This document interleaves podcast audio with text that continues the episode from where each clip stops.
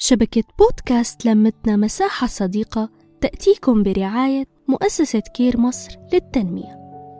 مرحبا أنا آلاء. رجعت لكم بحلقة جديدة من بودكاست قبل أن تتزوجي. حلقة اليوم اخترت لكم كتاب كيف تكسب الأصدقاء وتؤثر في الناس لديل كارنيجي مين فينا ما بيحب يكون محبوب وسط الناس ويعرف يكون صداقات دوم؟ وهذا الكتاب قدم لنا قواعد أساسية لتطوير تعاملنا مع الناس. في ست طرق لتخلي اللي قدامك يحبك.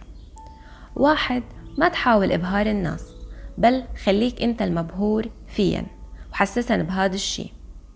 هيك بتعلقوا فيك. اثنين الابتسامة الحقيقية هي مدخل لكل العلاقات. ثلاثة اذكر الناس بأسمائها وشوف سحر هاي النصيحة عليهن. أربعة. خليك مستمع جيد. اسمع باهتمام وشارك مشاركة إيجابية بالحديث وما تقاطعن. خمسة. إذا بدك العسل ما تشوط خلية النحل يعني ما تنقد الناس لأنه رح ياخدوا وضعية دفاع ويبعدوا عنك أو يتحول الحديث لشد وجذب سلبي. ستة. احكي عن اهتمامات الشخص اللي قدامك واعطيه المجال يعبر عن حاله. أما الطرق الفعالة لكسب الأصدقاء هي كالتالي إنه تبتعد عن الجدال.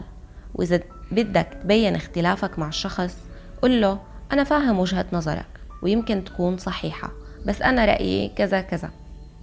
ما تذكر الناس بأخطائها لأنه إحنا شخصيا ما بنحب نتذكر أخطائنا. اعمل مثل خدمة العملاء في حال اشتكى صديقك عن شي مضايقه منك. اسمع للآخر بإنصات وبعدين قل له وجهة نظرك. وإذا غلطان اعتذر منه. المطلب العام للناس هو إنك تفهم شخصيته وتقبله بعيوبه وميزاته. وهيك أعزائي المستمعين وصلنا لنهاية الحلقة. بتمنى تكونوا استفدتوا واستمتعتوا وبلاقيكم بحلقة جديدة ومع السلامة. نحكي نتشارك نتواصل.